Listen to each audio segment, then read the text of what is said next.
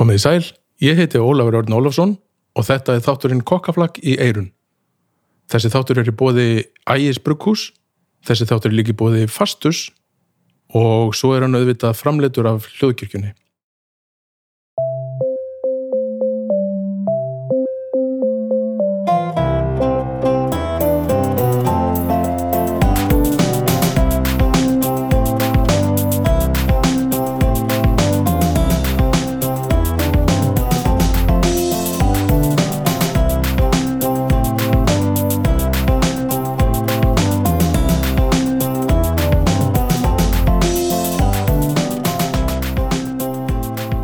Jæja, komið sæl aftur, kæri vinnir og velkomin í Kokkaflakk í Eirun.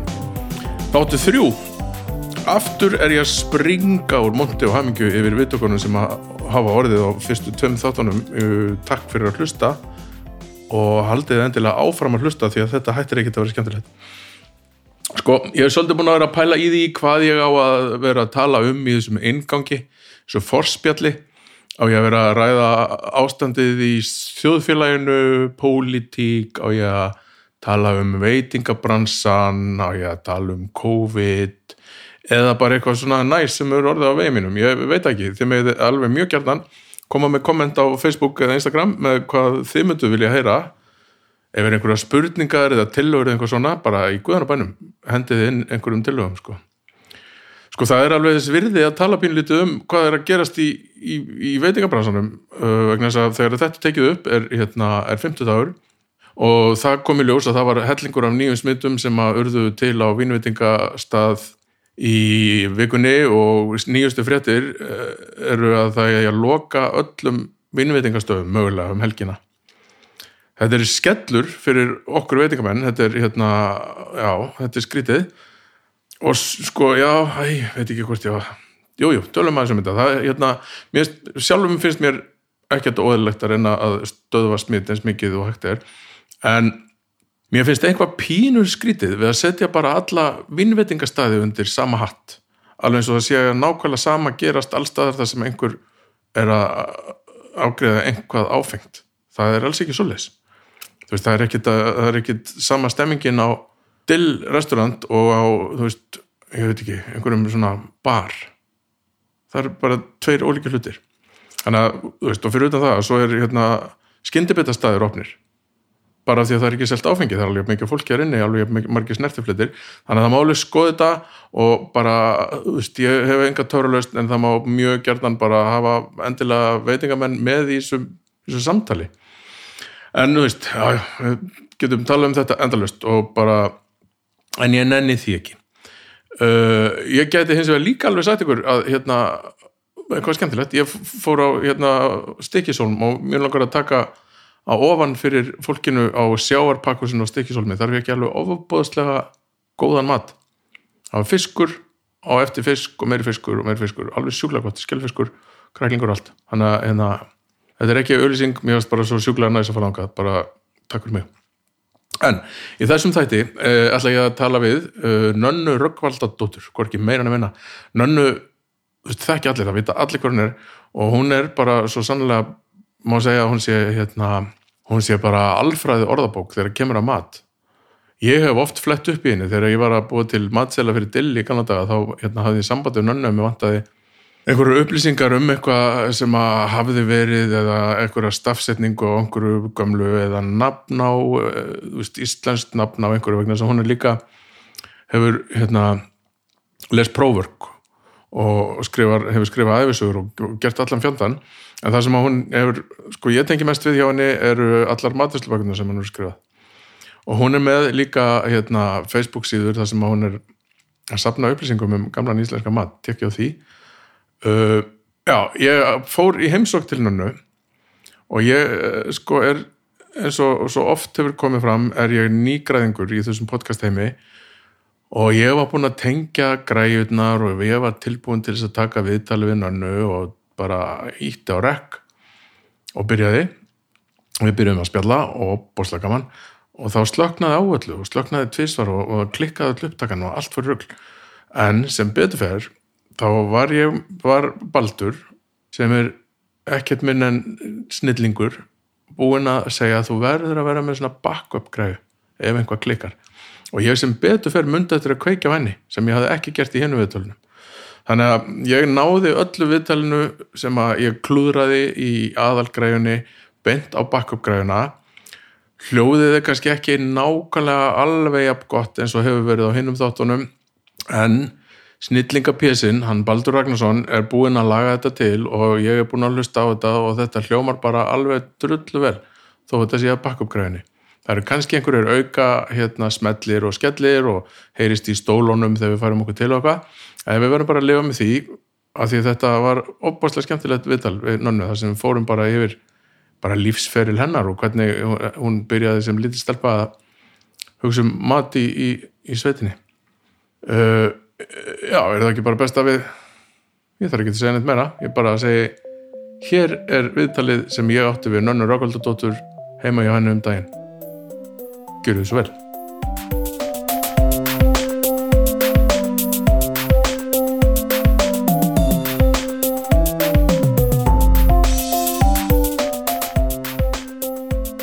Takk fyrir að taka mót mér Já, það var bara Ég- sjálfsagt. Sko, þú var fyrsta manneskjan á blað þegar ég fór að alltaf fara að gera podcast um fólk sem að hefur verið með eitthvað matakynns að gera. Mm. og hérna, ég sk bara skrifaði niður listan og það, það bara nannar af þar. Og ég er náttúrulega búin að vera mikill aðdáðandi í mörg ár og fyrst og fyrst með þér. Þannig að mér langar bara svona bara að vita alltaf meira um því sko. Ég er nú aðeins búin að googla og, og fara á tímarit.is og svona. Mm. Mhm. og komst til dæmis að því að þú er þýtalskonar sem ég vissi ekki Jú, jú, ég veit því, nokkra bækur. Bæði matreilubækur nokkrar og svo alls konar reyfara og barnabækur. Já, akkurat. Því tægi, sko. en þú varst lengi hjá yðunni, var það ekki?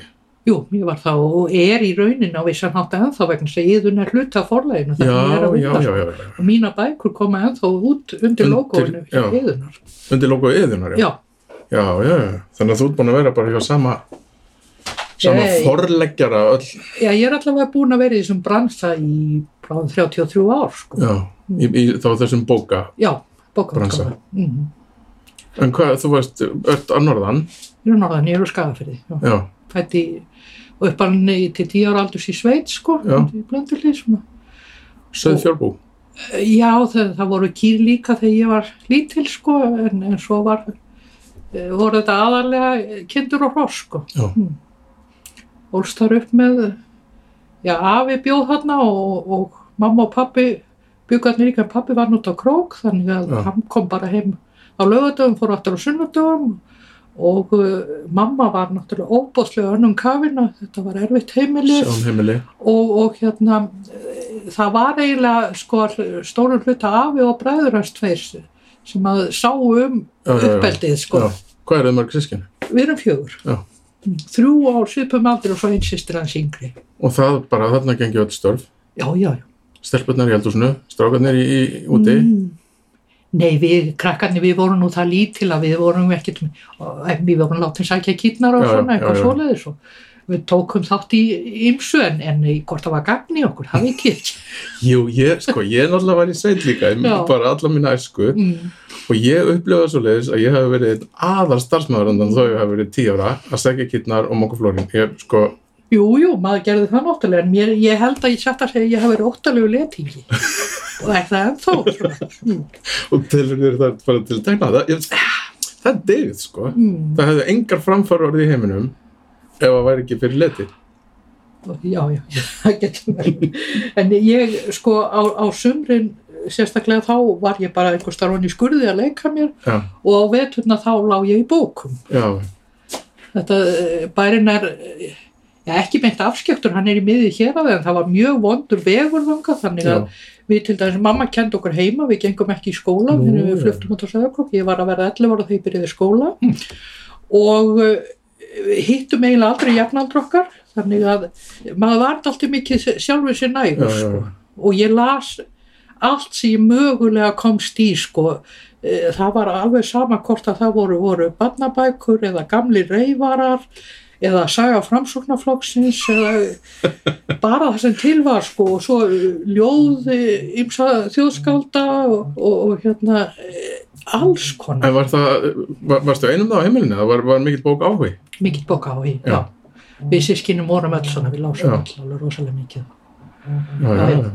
Og en þið sko, það var ekki, það var mjög tilverðan kjent síns að hvað var til, sko. Og ég, sko, ein uppáhaldsbókin mín, sem dæmi, eh, var bæklingur sem að hétt 101 kokteluppskrift. Ég það, las það alveg, ég man að ennþá að það var þarna koktelar sem héttu nöfnum eins og þú bláfjalla geimur og eitthvað svona. hefur þú verið reykist á þetta eitthvað síðan? Já, já, Þú er nú grúskari, jú, jú, ég ekki staðið. átt þetta það? Nei, reyndar ekki. En jú, jú, ég hef oft séð hana, sko. Ok, þú bláfjalla geimur, sko, já, flottasta það nafn á koktel sem ég hef heyrt, sko. Mm Það var eitthvað fleiri í þeim dúr. En, en sem sagt, já, alls konar, sko, og, og ég las, sko, það var til bók af einhverju dulafulli ástæðu. Þetta er bók sem hétt sjálfsvörn byggð á Jujutsu. Ég las hana. Þetta Bara er kortvekja eins framandi fyrir íslenskt sveitafólk eins og mögulegt er sannlega. Mm. Koktel, Já, ég veit ekkert hvaðan hún kom hún drekka bara brennivín í sveitinu, En annars sko, það voru engar matræslubækur til þetta. Mamma átti enga matræslubók. Eina sem hún átti voru fjölrið og blöðu úr húsmæraskólum. Hún hafði verið í húsmæraskólum á Löngumýri og þau voru, voru þarna hún í skuff og voru þetta alltaf músjetin eða allavega jetin af einhverju.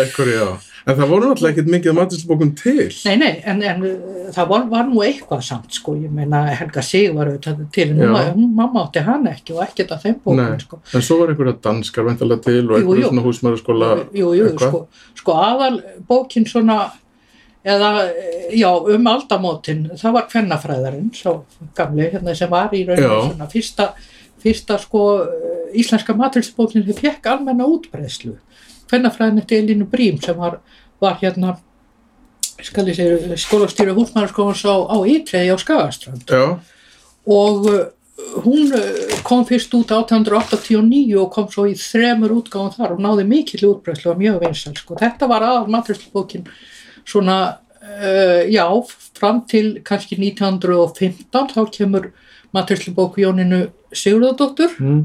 Sem hétt, uh, já, fyrsta útgáðan hétt ný matræslubók fyrir fátæk og ríka það er gott að skilja sláði saman í eina bók samt. Mhm. Það er ósennilegt að báður hópar kaupana. Já, ég veit það ekki. Ég meina fyrsta íslenska matröldubókin sem kom út, það var eh, hérna einfalt matröldu vasa hver fyrir heldri manna húsveg og þar eru sko tvær útgáfar af mörgum réttum. Það er Nú. ein útgáfa fyrir, fyrir sko fína fólkið og svo er önnur fyrir svona vi- vinnufólkið almenning. Sko. já. Þannig að þetta var alveg þekkt og kannski Já. var ástæðan fyrir nafninu hjá, hjá Jónínu svo að hún vildi leggja áherslu á að þetta væri bók fyrir alla sko.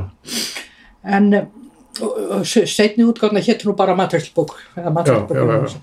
Og þetta er aðal bókin eh, svona fram yfir 1940 þegar Helga Sig sem var reynda bróðudóttir Jóninu þegar hún fyrir að koma með, eða kemur Men- mat og drikk hún var alltaf búin að gefa út þá nokkra bækur áður en þarna já. sameinaði þar og bætti við og, og eftir það sko alveg fram yfir 1970 þá var matur og drikkur aðal matræslubókin Já, já, svo var hann að koma, svo var hann comeback núna fyrir Jú, jú. árum jú. síðan. Bæði í náttúrulega veitingabransanum svolítið, svona að einhverju leiti. Já, þá, þá, þá er fólk farið alltaf sko að horfa aftur til fortíðarinnar Já. og, og svona, já, grafa upp það sem var verið að gera hér áður Já, fyrir. og líka bara svona hugsa um að tapa ekki hvorki sko hráöfnum eða, eða Já, vinnubröðum, sko. einmitt. Sem að er allt gott og blessað, Mhm. en við þurfum samt ekki að það er ekki alltaf verið að tróði okkur magál. Nei, nei, nei, nei. En, en hérna, en sem sagt, ekkert af þessu var til heima, sko.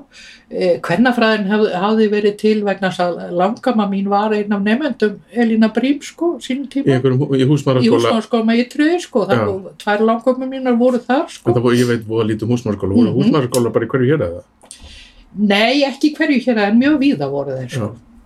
en, en hérna e, þannig að ég hafði bara þessi fjölrötuðu blöð sem enna mömmu sem að ég bara las alveg í gegn, kannski var, kannski var það bara ég sem hafði lesið ekki tællur og mín vísna bara- voru, vísna voru saklusur ég, Nei, ég held nú ekki sko.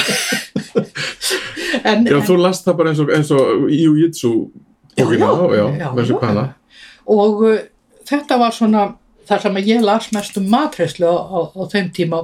Og þegar ég sko þetta, þessi, þetta fjölrit var svo setna gefið út í prentaðri bók sko. Og uh, þegar ég egnaðist hann og fór að flettinni sko þá myndi ég svo margt sko alveg orðið sko. það var þarna til dæmis lýsinga á því hvernig maður ætti að, búa til ís sem var þá gert sko í, það, var, það var notað klaki og salt og, og, og svo leiðis og þetta myndi ég alveg og, og ég var alltaf að vonast þetta að mamma gerði eitthvað svona en einu skiptin sem að hún gerði ís það var ekki rafmagn heima þegar maður finnst þetta og engi fristir eða neitt Nei. sko. en þegar kom kannski átjónstega frost þá bjóð mamma til ís sem hún frist út í skabli þannig að maður var alltaf að vonast eftir Já, verulega, og, og, var, verulegum frosthörkum sko. og þá bara búið settur rjómi og bræðefni og bara Já. út í skapl Já. og hlöpu út og hræra á milliða Nei, hún gerði það nú ekki en það var þessi ís í þau skipt sem hún gerði hann var gerðan alltaf til lagskiptur sko. Já. Þannig að, já, þannig að það hefur verið bara tónlistafólk er spurt er mikið sungið á þínu emili var mikið borðað, það hefur verið mikið borðað á þínu emili Í, það var mikið borðað þetta, þetta var náttúrulega sko, það, sérstaklega í merkingunum mikið sko. þetta var já, erfið í, í bara miklu magni. Já, þetta, Já. þetta var erfiðis vinna og, og það þurfti mikla orku sko og, og eh, sko ég einhvern tíma fór í hugsun það var eftir að mamma dó sko að ég hefði í rauninni aldrei vita hvort henni fannst nokkuð gaman að elda. Já, hún, hún, þetta var bara eitthvað sem hún þurfti að gera Já, já. sko. Og nei, og ég uh, við vorum einhvern tíma að tala líka við sískinni sko, við munum ekki eftir því nokkuð tíma neila að það verið talað um sko hvernig maturinn var. Það var aldrei sko talað um að þetta hefði verið gott, Gott nei, þetta var bara matur. En, en með svona eins og hátíðamat. Já, eins og ef að kem, þú veist á haustin koma að vantilega gæsir og, og hérna já, já, það var nú engin sérstakur hátíðamatur, það var svo mikið sko. já, en þú veist jólamatur að vera lagt meira upp því jú, jú, jú, jú, en ég man ekkit sérstaklega eftir því, sko, það var, það var ekki það var engi, ekkit, já, jú, en venjulega var örgulega lambalæri, sko, en ég man, það voru samt eitthvað sérstaklega ræðir í samband Nei, við það sem ég menna er sko hvort það hafa verið, já, þetta var nú aldrei góður jólamatur eða bara, Nei, þetta, nei, bara, nei, það- þetta var bara, nú fyrir við brúta mjölk menn, menn voru bara, voru sattir og köpuð á maðan á sér og rópuðu kannski eitthvað svoleiðir, sko, en svo fer ég í, í mentaskólan Fyr, já, fyrst fluttum við út á, út á Söðakröng sko, og það gekk í barnaskóla og gaflaðaskóla og svo, jú, svo fór ég í mennskóna á Akureyri og, og sem sagt það var eiginlega, þar, þar læriði ég ekki í skófnættaskónu sjálfum heldur á þeim og það var eina skipt sem ég lært eitthvað um matargeð vegna að, þegar ég var komin í, í þegar ég var á næst síðast ári þá uppgötaði ég að ég hafði mætt alveg rosalega illa letin sko. Nú, og, og, og hérna ég var komin svo marga mínuseiningar. Það, var- það voru dregnar af manni eininga fyrir lélega mætingu. Og ég sá það að, að, að hérna, ég er að gera eitthvað í þessu svo ég gæti bara útskrifast já, og það var hægt að hægt að taka þarna valgreina sem voru metna til eininga og ein valgrein sem var hægt að velja þetta var ekki allt eitthvað sem var í skólanum Mm. það var sjókokkarnámskeið í húsmaður sem var kent í já, húsmaðurskólanum já, og, og gaf sko tvöfalda einingu með við önnur námskeiðin en að vísu þetta var fimm kvöld í viku í, í, í nokkra viku tíma, sko. en það nú ekki verið margar stelpur hérna það hafa ekki verið margar stelpur í sjókokka Jú, jú, þver, er það? Já, flest, það voru flest mentaskólanum, bara í sömur sporum og ég. já, já, já, það Að, ég held að það hafi engin verið þarna sem ætlaði sér að vera kokkur og sjó, sko. en þetta veitir réttindi. Já. Eða, eða, ef það voru einhver réttindi, ég held það, jú. En, en allavega fekk ég einhvern skýrt henni. En, en hérna, og, og þarna, það, þetta er í rauninu það eina sem ég hef lært í, í matargerð, sko. og kom einhver svona neisti strax eða? Nei, hann var sko e, ég hef alltaf haft mikinn áhuga á mat og matargerð og bara heim í sveitinni þá var ég að gera ímsa tilraunir svona sem að þóttu nú ekki allar mjög góðar bara strax sem krakki? Bara sem krakki, ég Já. man, man eftir því sko. Af því eins og ég segi, ég las alveg rosalega mikið og það, í þessum bókum sem ég var að lesa þá voru oft matarlýsingar og gjarna á mat sem ég vissi ekkert sko Nei, hvernig bragðaðist nei, eða neitt sko. Að, ég meina ég held ég hefði valla smakað tómat á þeim ára nei, einmitt, einmitt. þannig að ég var að lesa hann um eggaldin og tómata og papriku og guð veit hvað sem ég vissi ekkert hvað var eða valla hvernig leit út sko. nei, En allavega, eitt af því sem ég hafði verið að lesa um til dæmis, það, það var hérna bráðin ostur sem að virkaði eitthvað alveg rosalega gott. En sko ostur heima á mér á þeim ána, þetta var, hann var bara hún á brauð skorinn í settur hún á brauð. Að þetta engum í huga setja hann ofan á eitthvað eða bræða Já, hann eða eitthvað hann nei. þannig að einhvern tíman þegar mamma var í fjósin að mjólka þá laumaðist ég, ég hafði stólið ostbita og fundið gamla niðursöðudós sem ég skólaði og, og það var kólaeldavél þarna og ég setti niðursöðudósina á kólaeldavélina og, og hérna setti ostbitan honni og svo bara ég eftir þessu, þessu eiginlega sælgæti sem að væri bráðin ostur. Já, nema það náttúrulega fyrir að kemur þessi rosalega fíla bara út um allt eldhúsið sko og ég sá, nei, býtu, þetta, þetta ætlar ekki að takast, nei. nei. Þannig að ég greip einhverja tusku og tók dósina og hljóp með hann út og hendinni og svo bara opnaði ég gluggana og reyndi að loft út áður en mamma kemur fjósin og ég held hún hafa aldrei komið staðið sin. Og það liður þó nokkur árþangað til ég smakkaði bráðin ást í Ef það hefði smakað þarna, það hefði breytt lífið. Að því bráðin ostur, Ekki þennan bita. bráðin ostur er Já. samt eitt af þessu sem er hvað best af öllu í heiminum. Vissulega, en kannski ekki brættur í niður svo Nei. dót, svo, svona einhver magur brauðostur sko, hann Nei, nei, sennilega. Ég var að hugsa að þetta myndi kannski geta verið svona eins og queso fundido, hérna, mexikanski, sko, sem er í rauninni frá stungin, já, sko. á en annars maturinn sem ég ólst upp að þetta, þetta var bara sko venjulegur sveitamatur þeirra tíma og mjög Já, mikið bara sko, súrt og salt á vetuna og, já, já og það, eins og ég segi það var ekki sko til dæmis fristikista þegar, þegar ég var krakki. Þannig að jú það var stundum það þurfti að fara þá 40 km út á söðakrók að sækja fristuhólfið sem var þar já, sko. já, já, já, í kaufleinu. já, Já. Og, og allt eftir þeim dúr og fiskurinn kom sko einu sinni í viku með mjölkubílnum og var skilin eftir á brúsapallinu og var kannski ekki alveg sá nýjasti þannig að e, þetta var og, og sko aðeins, bíddu, bíddu.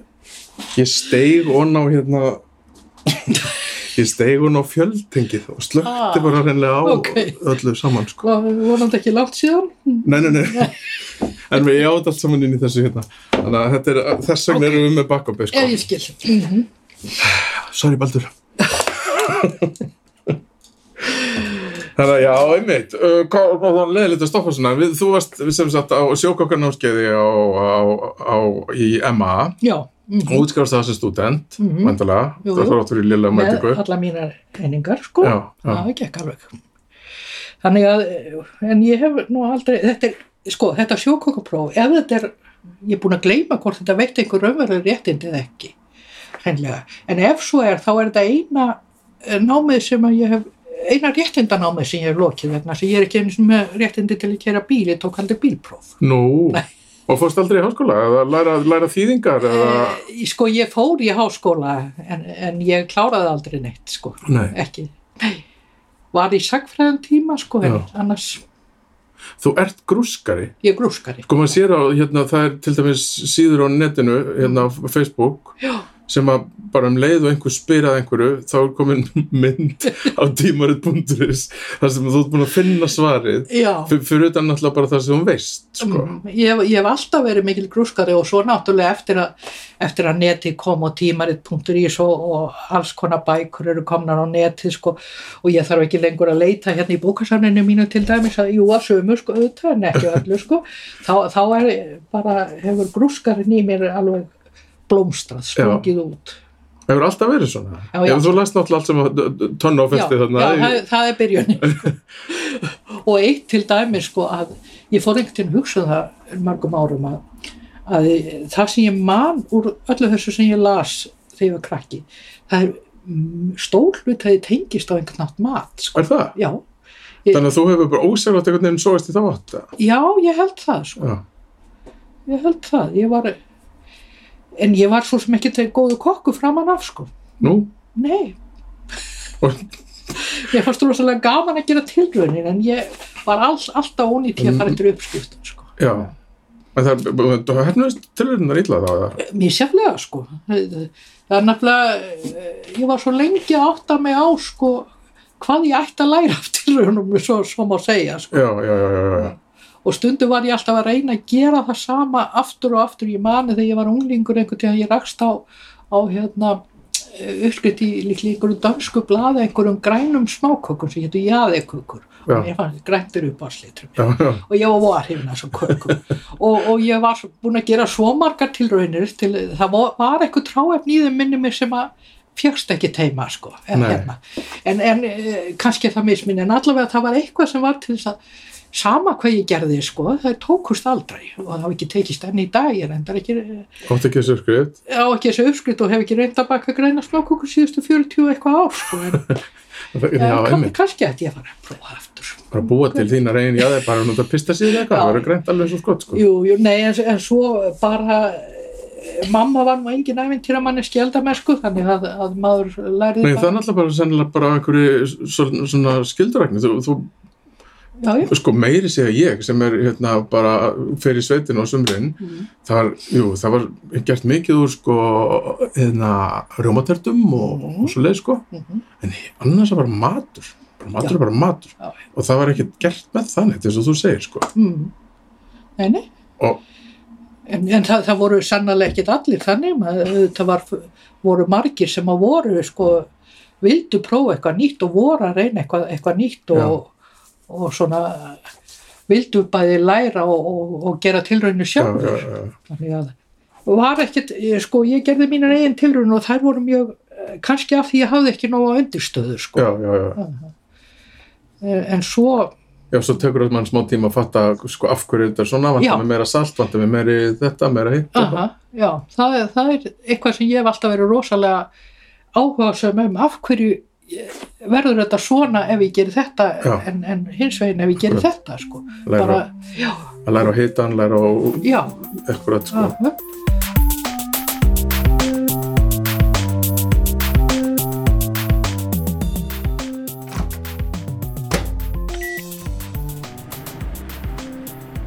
Nú þurfum við að gera smá hlið á þessu spjall okkar nönnu til þess að ég geti sagt ykkur frá styrtaraðælum þáttana. Ég er svo heppinn að það eru tveir styrtaraðælar á þættinum og þessi þáttur er í bóði Ægis Brugghús. Ægir Brugghús er brugghús út á Granda í Reykjavík og þar stendur bruggmeistarinn Ólafur S.K. Þorvalds vaktina og býr til helling af framúskarandi skemmtilegum bjórum sem fást í ríkinu og á völdum börum í Reykjavík. Hann kemur reglulega með nýja bjóra en nokkrir eru þó alltaf til. Það eru til dæmis Fantur sem er kaffi IPA sem vefur vínbúðarinnar segir að sé rafgullin, óskýr, ósætur, þéttur, biskur, kaffi, barr, korn, karamella. Og hann er bruggaður í samfélum upp kaffi bruggúsið þar sem Sonja Grant ræður ríkjum og er fram úrskanandi góðu bjór. Aðrir sem alltaf eru til er bara bjór sem er pale ale og ghetto juice, living the low life sem er skíaður lagarbjór með miklum karakter. Óli býði líka upp á bjórnámskeið og smakk fyrir hópa í ægisgarði sem er salur sem hægt er að leia fyrir alls konar uppákomur og partí. Tekja á því á ægisgarður.is og farið í ríkið og prófið bjórin frá ægi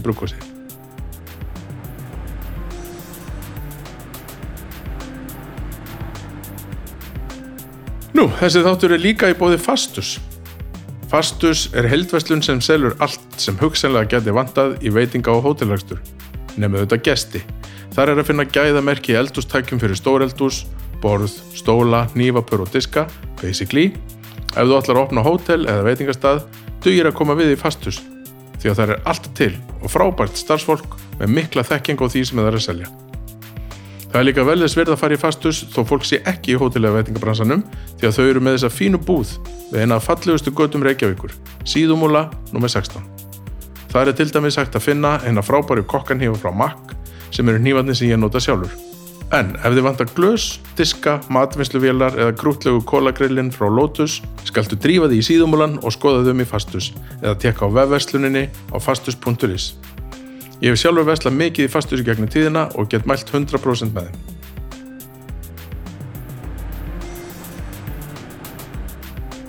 Svo er þessi þáttur auðvitað líka í bóði hljóðkirkjunar sem býður upp á hvorki meirina minna en 5 framúskanandi hlaðvörn, eitt nýtt á dag, alla virka daga.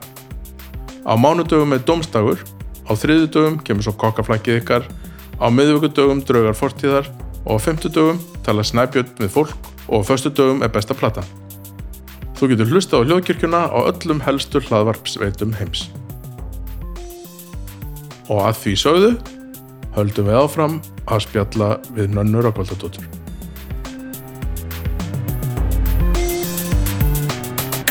En svo var hérna, fórst, fórstu svo bara bentur, ég sá nú á tímarit.is, ég er nú kemur undirbúin í þetta viðtal, sko. já, já. Ég setti Nanna Rákvöldóttir inn á tímarit.is og ég fekk alltaf niðurstöðum, sko. Mm. Uh, fyrst uh, sem uh, í stjórn einhvers félags í Emma, já, heyrðu, ég var fórseti spórnis. sko, Það, er hérna, var landsamtök gegn antisportisma. gegn antisportisma. Nei, ég fyrir ekki gegn sportisma Landsamtök fyrir antisportisma. Nei, ætlaði ég nú að segja. Landsamtök antisportisma. Já, ég var fórseti spórnis, já. fórseti þess félags já. sem að, og hva- hvar, hvar fór svo bara þetta fram? Já, þetta var nú þegar, þegar e, ég tók við þá var mér sagt að það, það væri ein íþrótt sem væri leiði í sportni og það væri að hlaupa í ríki rétt fyrir sex á förstu dögum. Það er líka mikilvægast íþróttin. Jú, jú. Já, og, og þú verður ekkit, það verður ekkit hérna, kvekt á okkur pólitískum hérna, meiningum að vera fram á kona í, Já, ég, ég var náttúrulega sko mjög pólitíski, ég var, var hérna, ég var eldheitur máisti og jú, jú, ég tók Já, þá já, þátt í svona ímsum vinstri hreyfingu, Já. sko. en það var svolítið ákveðin tíðrandi, eða tíðrandi ákveðin fólki. Já, Já, já, þetta, þetta var bara, e, já, maður var bara þannig. og kemur svo söður bara beint að drema það. eiginlega, ég kendi einn veitur á Stokksir yfir lítið norðstýr, þannig að svo kom ég hérna suður, fór að byrjaði í háskólanum og, og svo hérna gifti ég mig og eignaðist barn og hætti. Og af því ég uppgötaði að mér fannst í rauninni miklu meira gaman að sýta á kaffestofun í Átnagarði heldur en að, heldur en að vera í Þetta er tíma. að vera í tíma. Já, þannig að, já, svo fór ég að vinna á örnafnastofnun Já, og síðan fór ég yfir í bókautgána, hef verið þar já, sem já, sagt, já. Og síðan þú ert að sinna, 1986. sko, það, þú, þú ert að sinna próförk og, og hérna, er það ekki? Jú, og- ég, ég, ég les prófarki, ég les texta um sem tægi, ég gerir skrár og bara hitt og þetta, sko. Já, Og reyndar upp, þetta er ekki mér að kenna baldur. nei, það fylgir því að búa nálega borgarspítalum. Já, auðvitað, auðvitað. Uh, Einmitt, þú þú- þú ert ekki búin að búa hérna lengi það? ár. Fjögur ár hér, þú varst alltaf bara nýri bæ. Já, þetta, ég held að ég myndi aldrei fara á miðbænum, en svo, svo gerði ég það og Já. er afskaplega ánægð hérna. Nú, þetta er rólegt og gott fyrir þetta náttúrulega sjúkbíl. Það er nú ekki svo mikið. Nei, já, já, ég hérna nefnilega sko las líka alltaf bloggið sko, ég kallar Já. það sko, þannig að það er svona aðeins, maður finnst svona, það var vinsælt, já, já, það var það. hérna, mikið Uh, lesið og þar varstu svona bara svolítið að opnaði um fjölskylduna og, já, já, já, ég talaði töluvert sérstaklega um barnabötnin. Já, sko. akkúrat. Svo urðu þau það stóra, þau mistu nú áhuga á því að ég var að segja mikið frá þeim, sko. Þannig að í staðinn þá eh, píni ég alla núna með myndum af, af nýjasta barnabötninu, Já, sko. það er, að, það er mikilvægt, jú, þannig að að kunna meta það setna. Uh, þannig að þú, þú ert fljótt í, í bókabransan og ert í að þýða og svo skrifaður þarna, þessu einhvers var það ekki? jú, jú, ég, ég skrifaði, nokkrar mér sér? já, þrjár æfisögur, sko. Já, og uh, jú, og, og þýtti og tók saman einhverja, tók saman öldin okkar nokkuð bindi, sko, eitthvað svoleiðis og svo öldin okkar en samt svona bækur sem voru til á öllum heiminum. já, já, það voru það allavega en ég er löngu búin að losa mig við mínar en uh, síðan hérna best ég bakki aðeins sagt, að, að sagt, ég gifti mig þarna þegar ég var ég, meðan ég var í háskólanum og maðurinn minn sko hann var mjög fastur í því að hann vildi eiginlega bara matinn eins og mamma hans held að Já, já, já, hann var Þannig- ekki tilbúin í neina ævendirmennsku. Nei, lítið. Þannig, þannig að ég var bara uh, först í því og, og svo gerist það þegar ég er um þrítug, já það gerist trend sko. Já, Fyrsta lagi að, að ég sem sagt skildi og, og var allt í nú ekkert bundin við að, að, það, það sem að einhver annar vildi fá. Já, já, já. nema börnin, ég hlusta ekkert á þau. En, en hérna síð, og síðan fór ég að vinna miklu meira, ég hafði verið að vinna halva vinnu, svo fór þarna að vinna sko tölvöld meira en fulla vinnu. Og þá allt í nú þurfti ég að fara að finna sko uppskriftir sem voru fljótlegar og allt það og Já. finna eitthvað nýtt. Og því að þessar uppskrift sem ég, þetta sem ég hafði verið elda mest allan tíma, það var ekkit endilega mjög fljótlegt, það voru þessi gamlu sem sagt langur svona en, en sí, og það þriðja sem gerist var að ég hætti að reykja og fekk bræðskinnið ah, ah, ah.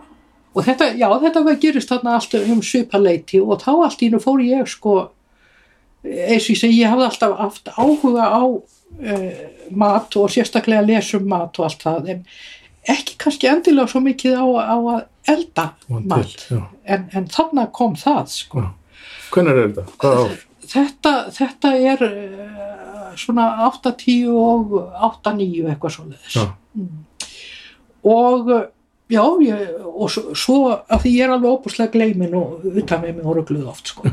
ég, ég, mér fannst ég alltaf vera að fletta upp sömu hlutanu, sko, fletta upp í, í þessum já, ég átti nú alveg slatta maturlbókum þá Já. minnstakosti 30 Nú, já, hvað, áttu margir þetta? uh, 2000 og eitthvað 2000 og eitthvað? Já. Og þú, er, þú safnar því bara markvist? Það, ég, Nei, ég er, ég er hægt að safna markvist Það bara Já, ok, þannig að þú bara, það kemur til þín, það sem kemur til þín. Já, einmitt. Eh, Svona, eh, ég setti mér þá reglu fyrir einhverjum árum að kaupa eiginlega bara bækur eftir, eftir fólk sem ég þekki persónulega, Já, en ég þekki bara allt og marga. Kosta því.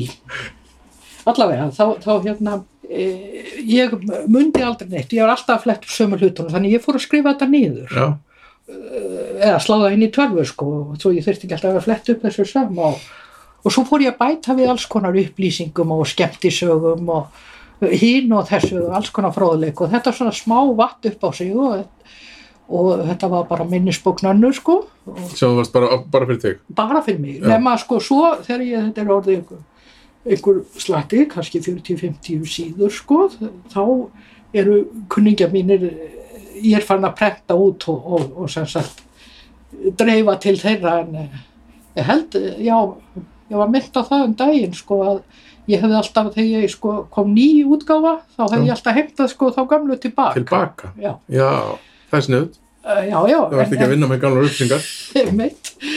en, en hérna eh, og þetta var bara fyrir sjálfa mig og, kunningja mína en síðan ég var þarna að vinna hjá eðunni sem sagt og var að stelast til að, að ljósrita þetta í ljósritinu vilinni og, og eh, Sjórenningja. já, já og svo einhver tíman eh, það var einhver tíman 80, nei 97 8, eitthvað, 97 þá ég, þá var þetta komið upp í 100 og eitthvað síður sko. Og ég hugsa að þetta er alltaf mikið sko. Ég get ekki verið að laumast til að ljósita þetta alltaf og, og hérna eh, nú þetta er síðasta útgáfa.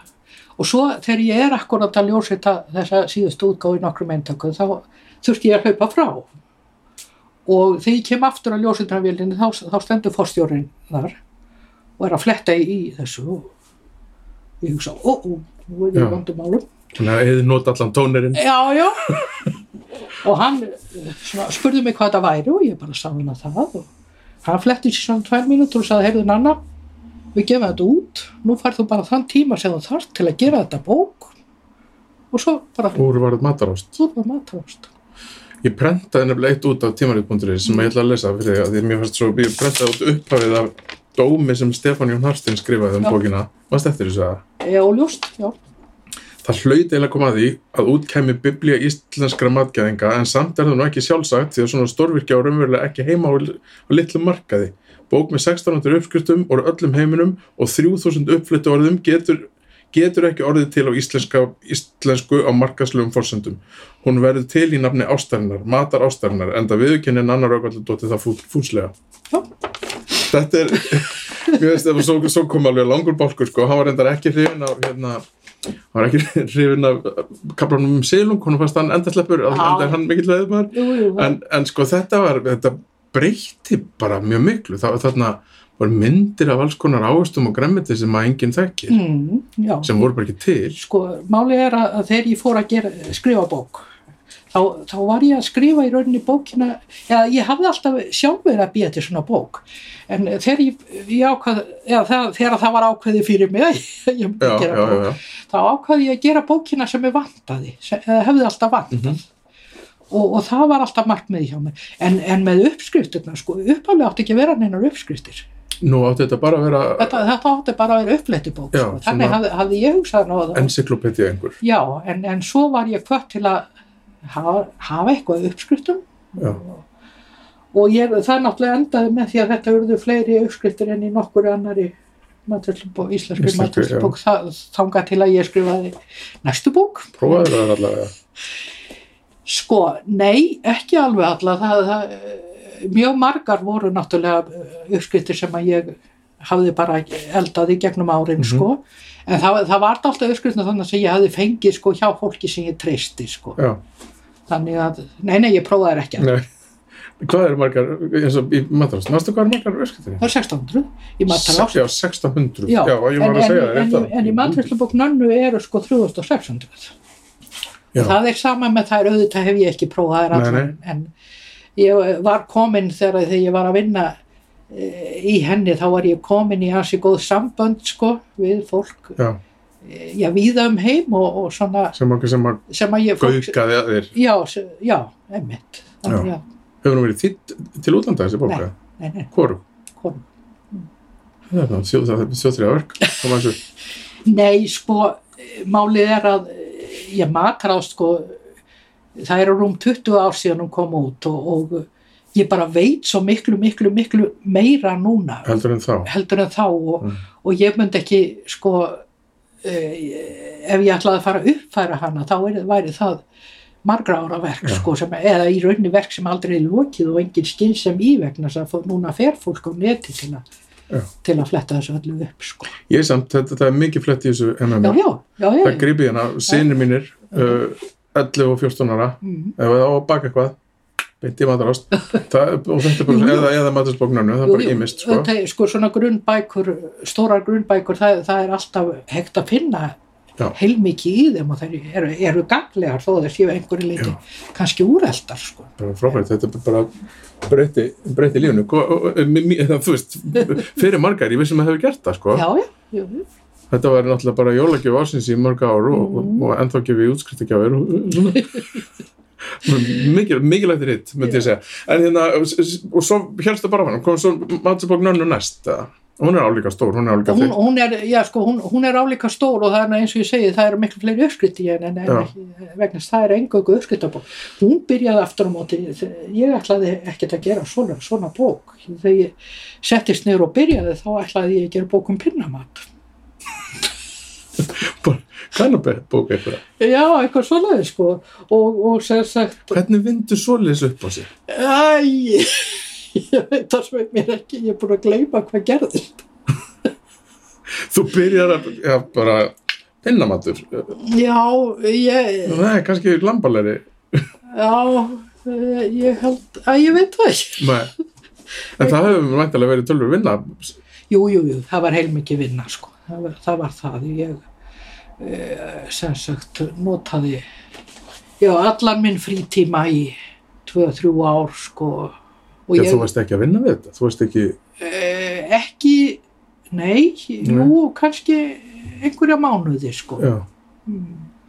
En ég, á þeim árum, þá hafði ég tölvört meira vinnutrekk en núna og ég þurfti mjög lítið að sofa og, já, og ég vann yfirleitt best svona milli 1 og 2 á nóttunni, eitthvað svoleiði, sko.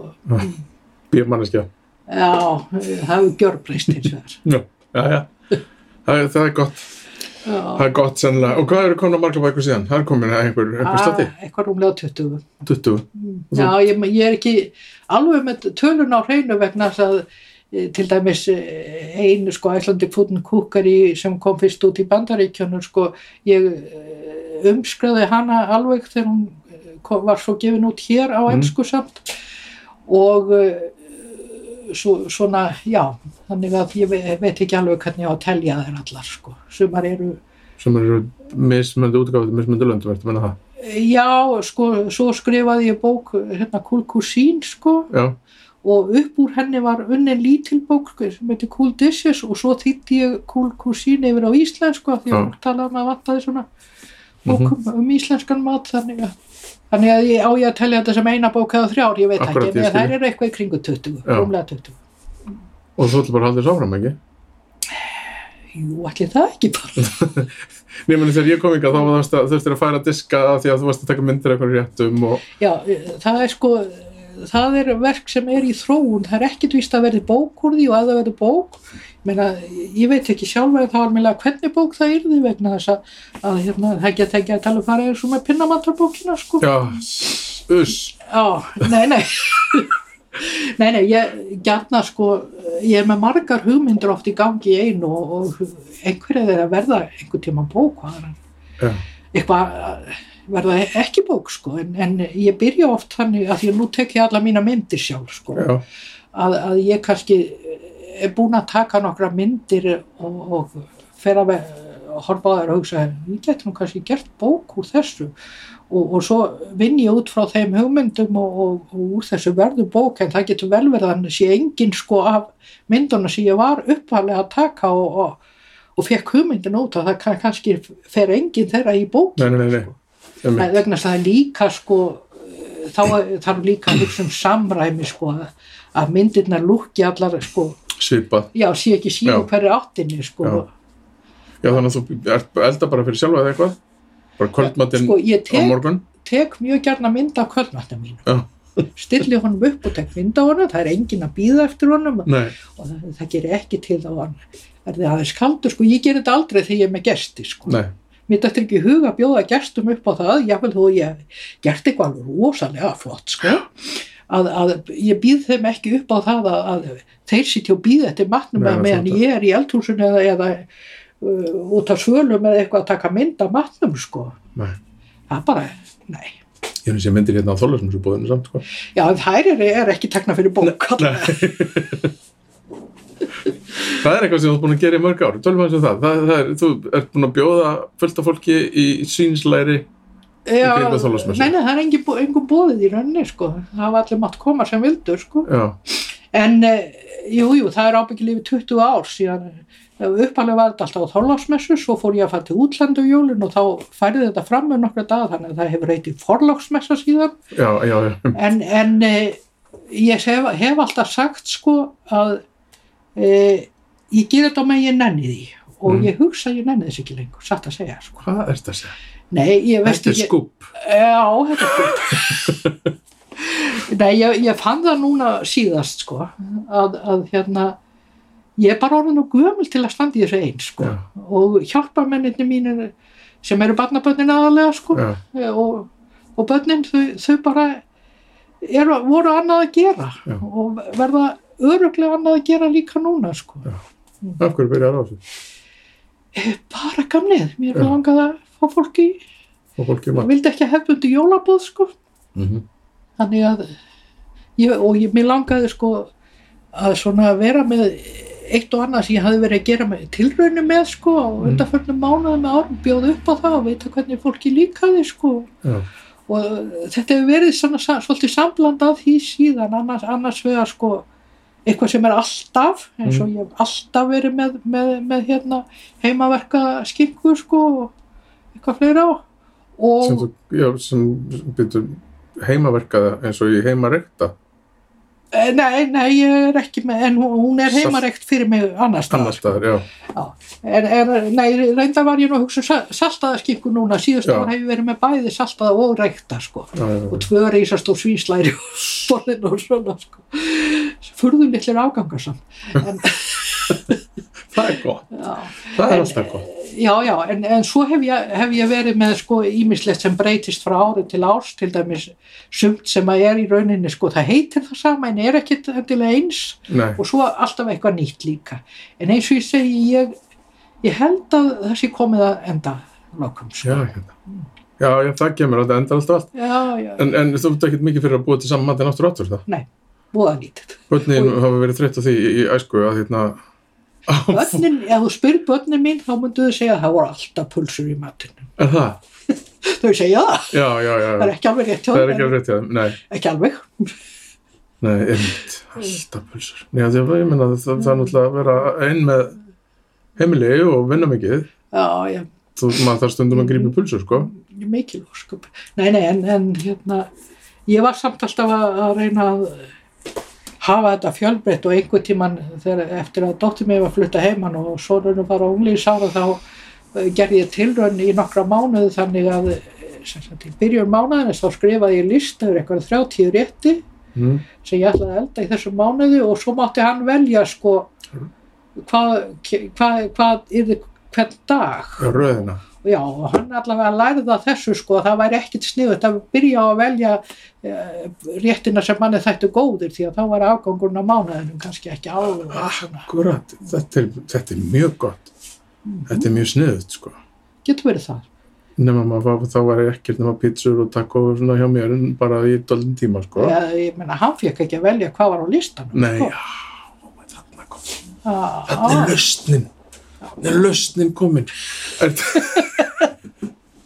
En sko þegar að, hérna, þú ert að þú veist eins og þetta skrifa í, í 80 og eitthvað mm, þegar þú ert að viða þér upplýsingum um alls konar já, það er ekkit mikið ég allavega ímynda mér, ég veit ekkit um það en það, ég, ég man ekki eftir, man ekki til þess að það hafi verið mikið af upplýsingum eða mikið af einhverjum framandi mat eða framandi veitingastöðum eða, eða nennu þarna einhvern tíman í, í áttunni.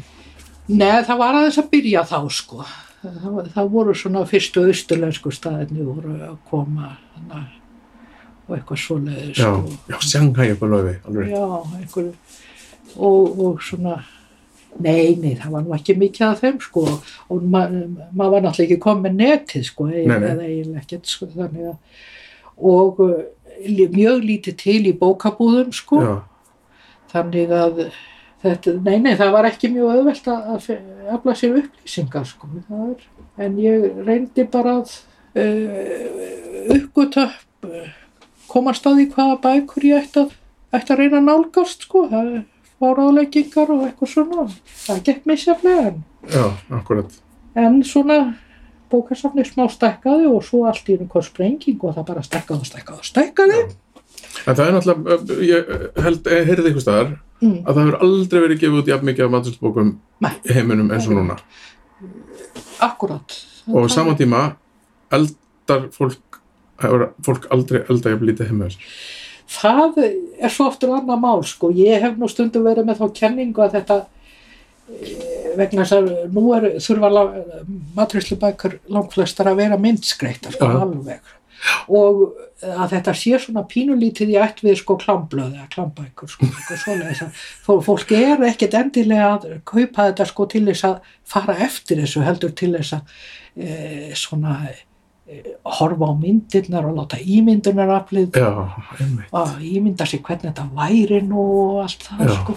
Ég veit það ekki, þetta, þetta er samt öruglega svipað, eitthvað svipað þarna bakvið. Sko. já, þetta virkar á svipað stöður í heilurum Já, já, það geti alveg rétt þér, sko ég meina eins og maturslu þættir í sjónvarpið það er endalust þessu sko Já, já, eða sko, einmitt í heilanum sko, þá er sem sagt listarstöðin og, og kynlífstöðin eru mjög nálægt hvort annar Já. er mann rétt sko. þetta kemur ekki á vart Mm. Þetta er, já, er mér finnst þetta góð kenning. Ég held að þetta sé bara rétt fyrir ég held að við þurfum ekki til sannlega Æ, þetta Ég er ekkert ein um hana sko. nei, nei, þetta er kannski einu sem þín. Nei, nei. já, en Og, það, og einhvern tíman mann ég, ég las líka eitthvað um það sko að, að þetta hefði breyst svo mikið sko 1960 kannski, þá, þá voru, var, var hérna kynlíf feimnismál sko. Já, en, en uh, allir voru að tala um mat og matarnautnir og, og það, sérstaklega sko eitthvað rosalega sætt og, og svona öðrandi alls konar. Mhm, en þetta hef- hefði snúist við sko, núna væri, væri sko kynlífið eitthvað sem allir getur talað um en, en svona matur sko að, njóta matar og, og síkurs og já, alls þess að það væri Það er tabú. tabú sko. já, já, einmitt. Það er nú samt, í- er ekki þetta var mjög stundin að vera aðeins að jafna sig er það ekki Jú, ég held það, ég held það. það er, En hver veit hvað næsta della verður? ég veit að það er svo það allt þetta keto og eitthvað, þetta að prófa eitthvað að því að Já, já, þetta er bara mataræði ársins sko, eiginlega. Ertu, ég- keto eða? Nei, nei, nei, nei, ég er ekki að tala um keto sérstaklega, heldur öll þessi Já, æði, þessi kúra þessi sko kúrar, þessi lífstílar, þú getur kallað það hvað sem þú vilt Já, sko. það er náttúrulega ekki lífstíl að ert bara í stund, stuttan tíma sko. Nei, nei, nei, og, nei, þá er það bara eitthvað, eitthvað svona já, sko ég reyna að sneiða eins og mögulegt er hjá síkri en það er bara einfallega því að ég er með síkursíki já, sem ég er búin að afla mér svona í gegnum Gegnum óvart tíðina. mataræði og allt það í gegnum tíðina, Já. það er bara eitthvað sem ég vil að lifa með.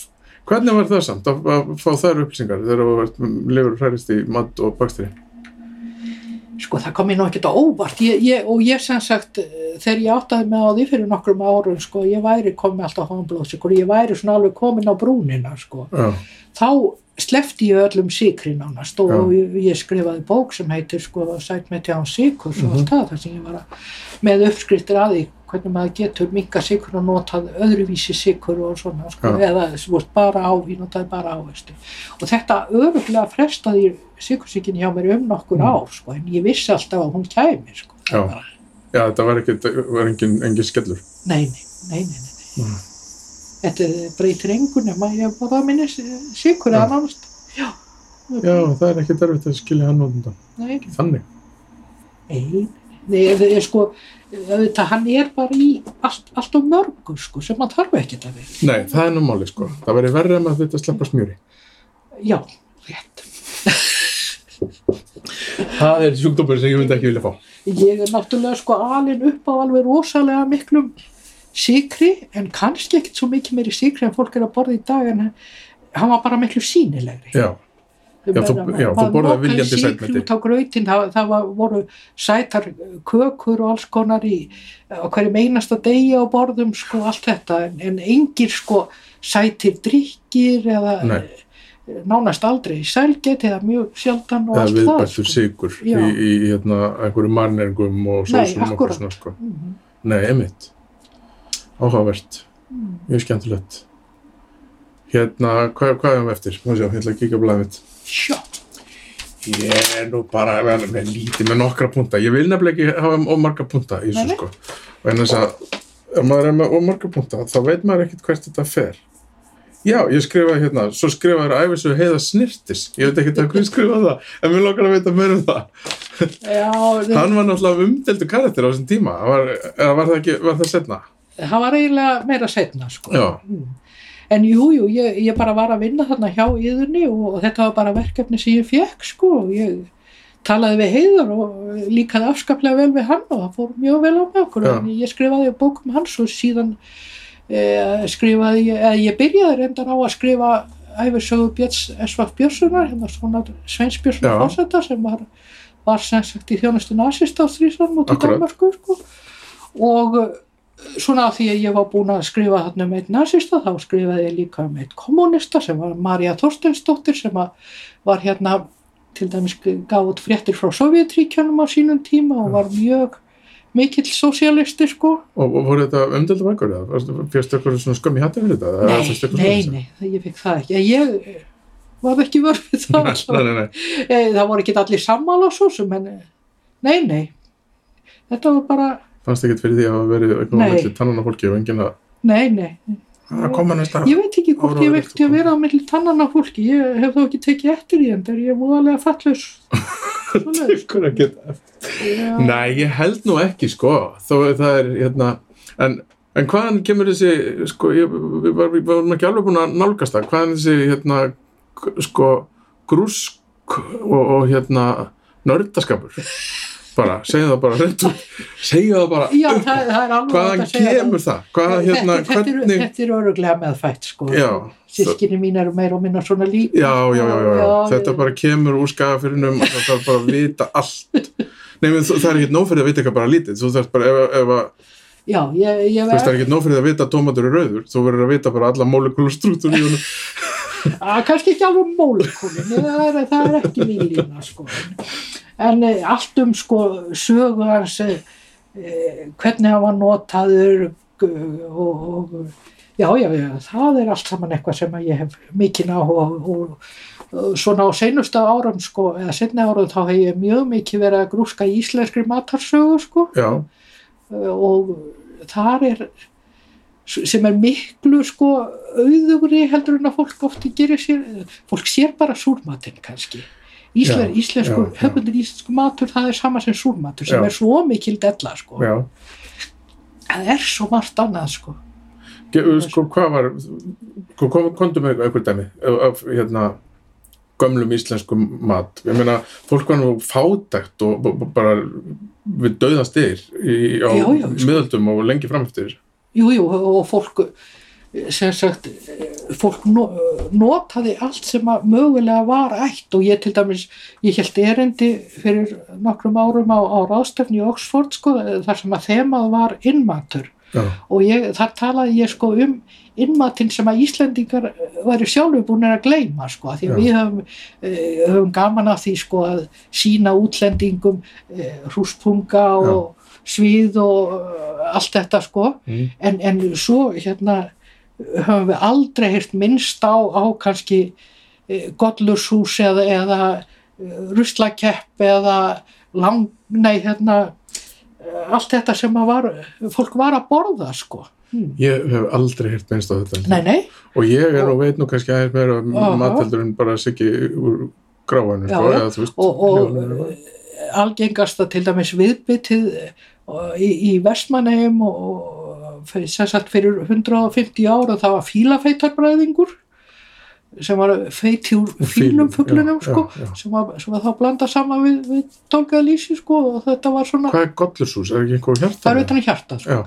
Þótti sagt sérstætt sælgæti sko einhver, er það þá einhver, einhver vömb eða svoleiðis? eða? Nei, nei, þetta, þetta er svona fýta og og, og, og hérna e, þetta var til, alveg sérstaklega sko sérstakt norskæti fyrir til dæmis að, smalagollur, það var, það var svona verðlun sem smalinn fekk fyrir að standa sig vel sko. Já, það fjöxtu ekstra fyttu. ég meina allir, allir kannastu við sko vísuna gollurinn og gönnin og velstíga bönnin og allt það sko Já, en engin hugsa í Tengir- hvað, gollur Gollurinn er, sko. Já, uh -huh. já, auðvitað, það var náttúrulega, og að, sko, það er ekki nýtt heldur þetta, hérna, sem er kallað í útlöndum nose to tail, sem að er núna, hérna, gegn matasóun og allt þetta. Það, Já, sko, matasóun er bara nýja nálni, þannig. Það var Já. bara allt, hver það var einasti, náttúrulega sko hér, hér á landi eh, fyrra á öldum, það var auðvitað engin matarsóun, ekki, ekki til sko, það var miklu meira að borða en okkur ditt í hug núna sko, krókasteik til dæmis veistu hvað krókasteik er? nei, það er leg úr, úr sögkinda kúr já, okkur er alltaf að vita krókasteksa. Lögun, Þetta sko. krengja, er lögun á því? já le, legið þú, þú veist það, það, það kemur svona það eru, það eru svona eggjaleiðararnir, þeir eru eins og Já. krókar út úr því sko Hefur smakað það? nei nei, nei, nei, nei. Ég fekk, ég var á einhverju, hérna, ég var á ráðstefnu Kaupmannhöfn, Aha. hvað fekk ég? Ég fekk geitaleg, Mhm.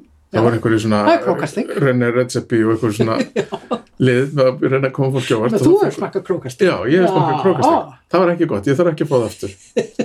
Nei, nei, nei, nei, auðvitað, sko margt að þessu, það er misjætt af hverju fólk hægt að borða þetta, sumt af bara einfallega því að það var ekki gott, sko, Já, það var algjört úrkast í rauninni sem ekki nema, eh, sko, eh, var kannski fátæklingamatur og, og, og svo lækkaða neyri að vera hundamatur, sko, núna er þessu bara hend. En, en annað eh, var, var sem sagt, það var hægt að borða það vegna það var svo mikið vesen að verka það, sko já, og- eða, eða útbúa og, og svo var hitt sem að sem að bara einhvern veginn datt út sko Já. ég, eins og gollusúsið sko já, það var, já. Er og, og, og svo sumt kannski að hluta til vegna að það rataði ekki inn á þorrabakkan sko Já, einmitt sem að hefur er svo uh, þessi svona staðlaði líka við þorramatur hann, hann er svo mótandi um hugmyndir okkar Já. um matinn fyrir á tíð sko.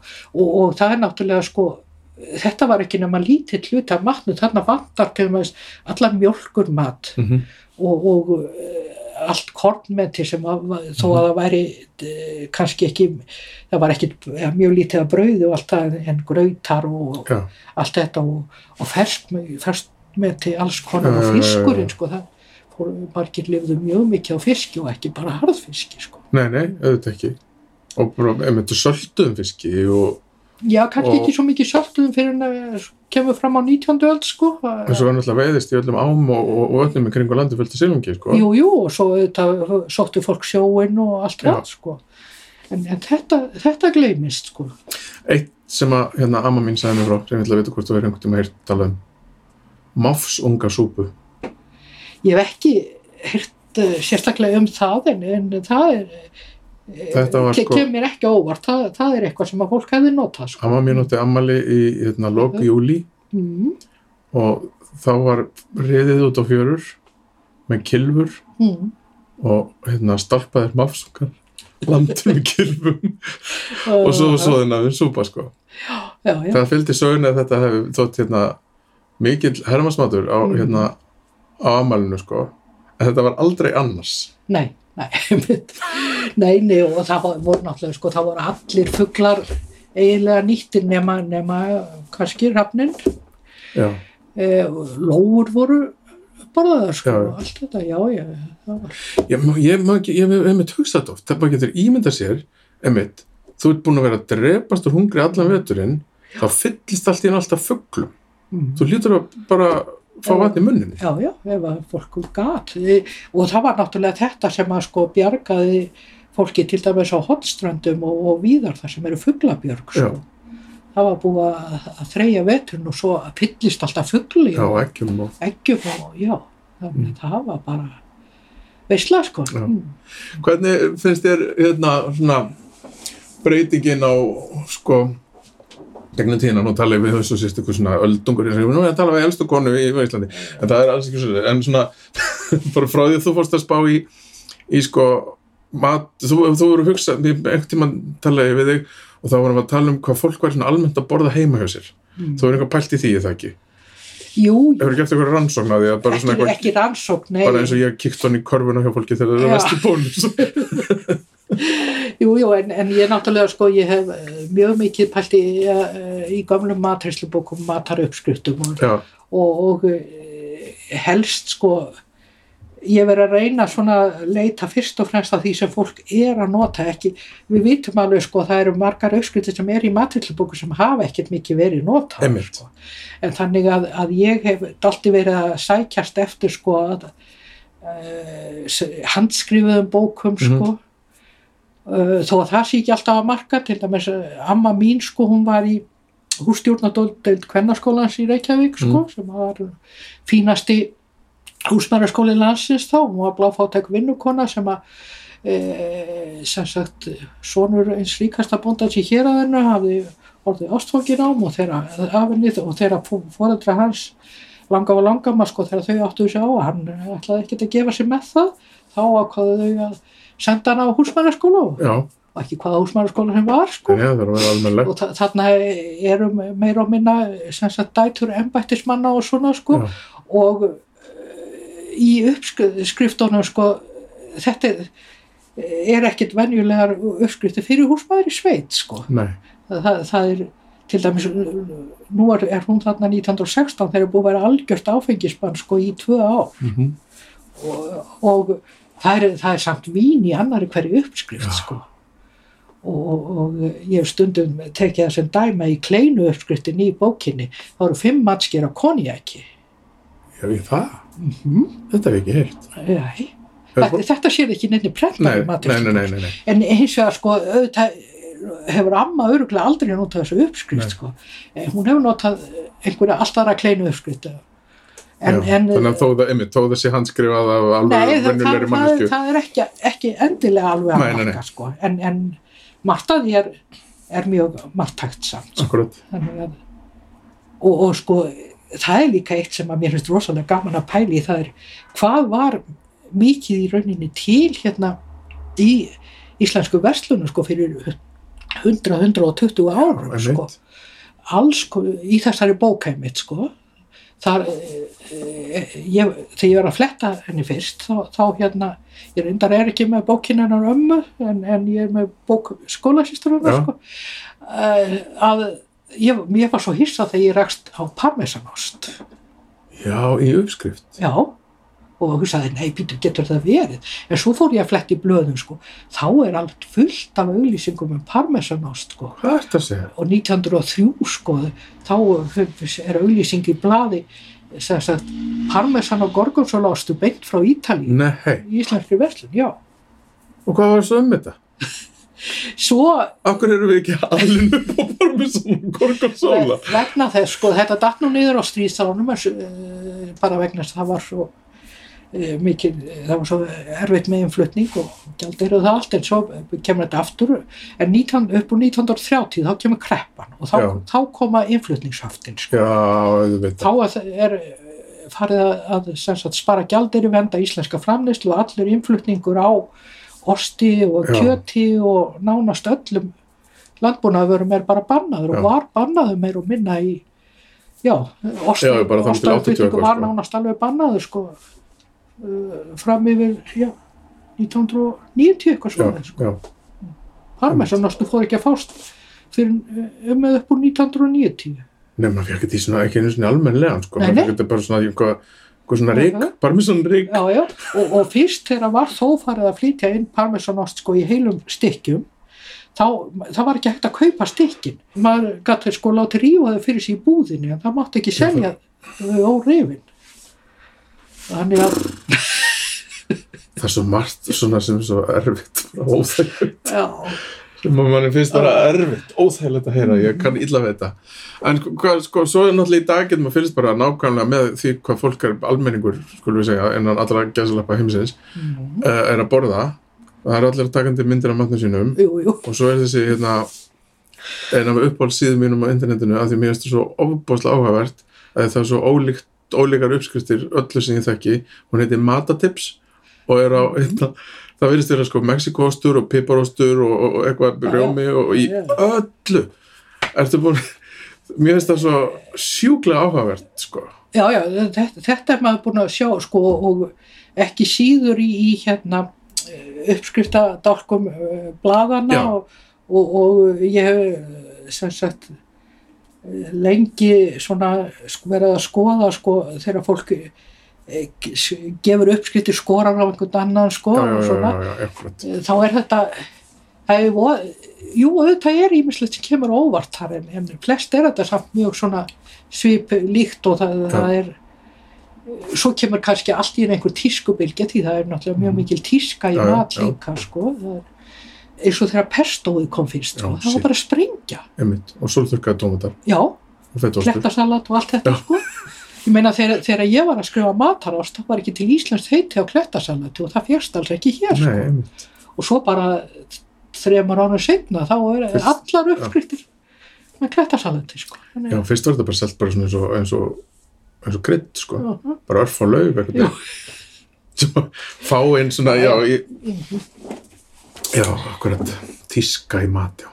Já, já, það er eitthvað sem alltaf hefur verið sko. Já, já, já, ég hef ekki bara, er, eitthvað vandar okkur eitthvað meira, ekki bara að fara að segja þetta gott, mér Ég finnst þetta að, sko. þetta vera ógíslanga, ég er alveg til að halda áfram líka, sko, mér finnst þetta mjög skemmtilegt, Já, sko, já, ræður það er ennþá fullt af hérna plássi á herradesknum að því að það var sláttið hann sem þetta datt út upp á við, nei, ég held að við bara látum þetta dög, ég ætla Já. bara rétt að vona að þú haldir áfram að hérna, að skrifa matsalsbækur og, og Mm. Bara og, og vera að koma með sérfræði kunnátt á internetinu. Eitt sem ég hef gert mikið það er að leita til þín ef mér vantar íslensk heiti á einhverjum mm, á matsinum já, þannig að þarna kemur íslensku nörda og matar nörda á hinn saman í eitt. Jú, jú, það er náttúrulega ég er búin að vera sko að vinna í því. Aldar þriðjung við íslenskt mál sko Já. sem, eh, sem hjá bókaútgáfu og svo, já, svo er maturinn og svo e, pínlítið tsekkfræðingur í mér þó að ég klára aldrei nám sko að þetta er svona kemur allt saman og svo er, sko eftir eitt og halvt ár þá ætlum ég að hætta að vinna. Þá er ég á 65 þetta var 65 þannig að, að hérna þá eh, vonandi hef ég tíma virkilega til að sinna mínu grúski og kannski Ah. skrifa meira sko. þá kannski fer ég að skrifa af einhverju alvöru bókina sem ég er búin að vera að stefna á sko, í mörg ár sem er svona ekki íslensk matarsaga heldur eh, glefsur úr íslenskri matarsugu skulum við segja já, já, bara- bara, frá ekki, ekki, ekki fræðilega bóka ekki, ekki eitthvað sem er í samhengi sko endilega nei, heldur, bara alls konar áhugaverði hlutir úr matarsögu. já, það er Það, það er bókin sem er langar virkilega að skrifa. Sko. ertu komið með eitthvað, með uppkast eitthvað áttu til einhverju Já, hellinga heimildum og sko ein ástæðan til þess að ég byrjaði með síðan að hennar matur fortíðarinnar Já, á, á já. Facebook það er einmitt sko bara að týna saman þessar heimildir og, og alls sko til, meðal annars til að minna sjálf á mig á sko en líka til að svona fá kannski upplýsingar hjá öðrum stundum og heyra hverju fólki hef, fólk hefur áhuga á og allt Það það er hvort ég get ekki fundið uppskrift á maffasókusúpunni. já það verður gaman Það mér þetta dáinn að það lítur já, Lítur einhver að þetta. En ég, ég sko þetta er bara ég veit sem sagt ekkert hvernig bók þetta verður ef ég klára hann Nei, þetta er spennandi. já, já Og ferðast, þú ferðast mikið. Ég hef gert það sko síð, svona síðustu 10-15 árin sko. Ég, náttúrulega þegar, þegar að ég var sko, Ferðið eina ferðast það. ég ferðast yfirleitt einn. Já. Stundum tek ég annarkort af eldri barnaböndunum með sko en nú eru þau sem sagt orðin of stór til þess og þannig að ég ferðast meir og minna einn sko og mér finnst það fín. Já. Það er ekkert að taka tilliti neysan Nei, sko. einmitt. Engin sem trublar. Engi sem trúblaði þetta. Jú, jú, þetta væri oft fínt að hafa félagskap sko en, en samt eh, ég er bara svo, mér líður vel einni. Ég, ég er, er mikill einfari í eðli mínu Já. sko. Það er bara Það er ágætt að maður er grúskari. Það var engin að trubla. sko ég eitti þarna fimm jólum í röð ein í útlöndum Já, sitt ekki ég- alltaf á stað sem ég hafði aldrei komið áður og þekkti engan sko einmitt. Og svo var þetta alltaf voruð að getrun, sko. já já, ég mynd fara enn á þessu jól þannig en svo hæ- gerði ég ekki, það ekki í fyrra var hérna heima og hugsaði, ó, sko, ég fer út um næstu jól, það er Ah, Það það- en svo er búið að eðilegja það lítur ekki vel út með það. það lítur ekki vel út allavega Það var bara á rauvarhöfn bara eitthvað í staðin. já, hvað erum við Herðu, ég ætla bara, við ljúkum síðan. Takk kærlega fyrir mig og, haldu áfram að vera frábær.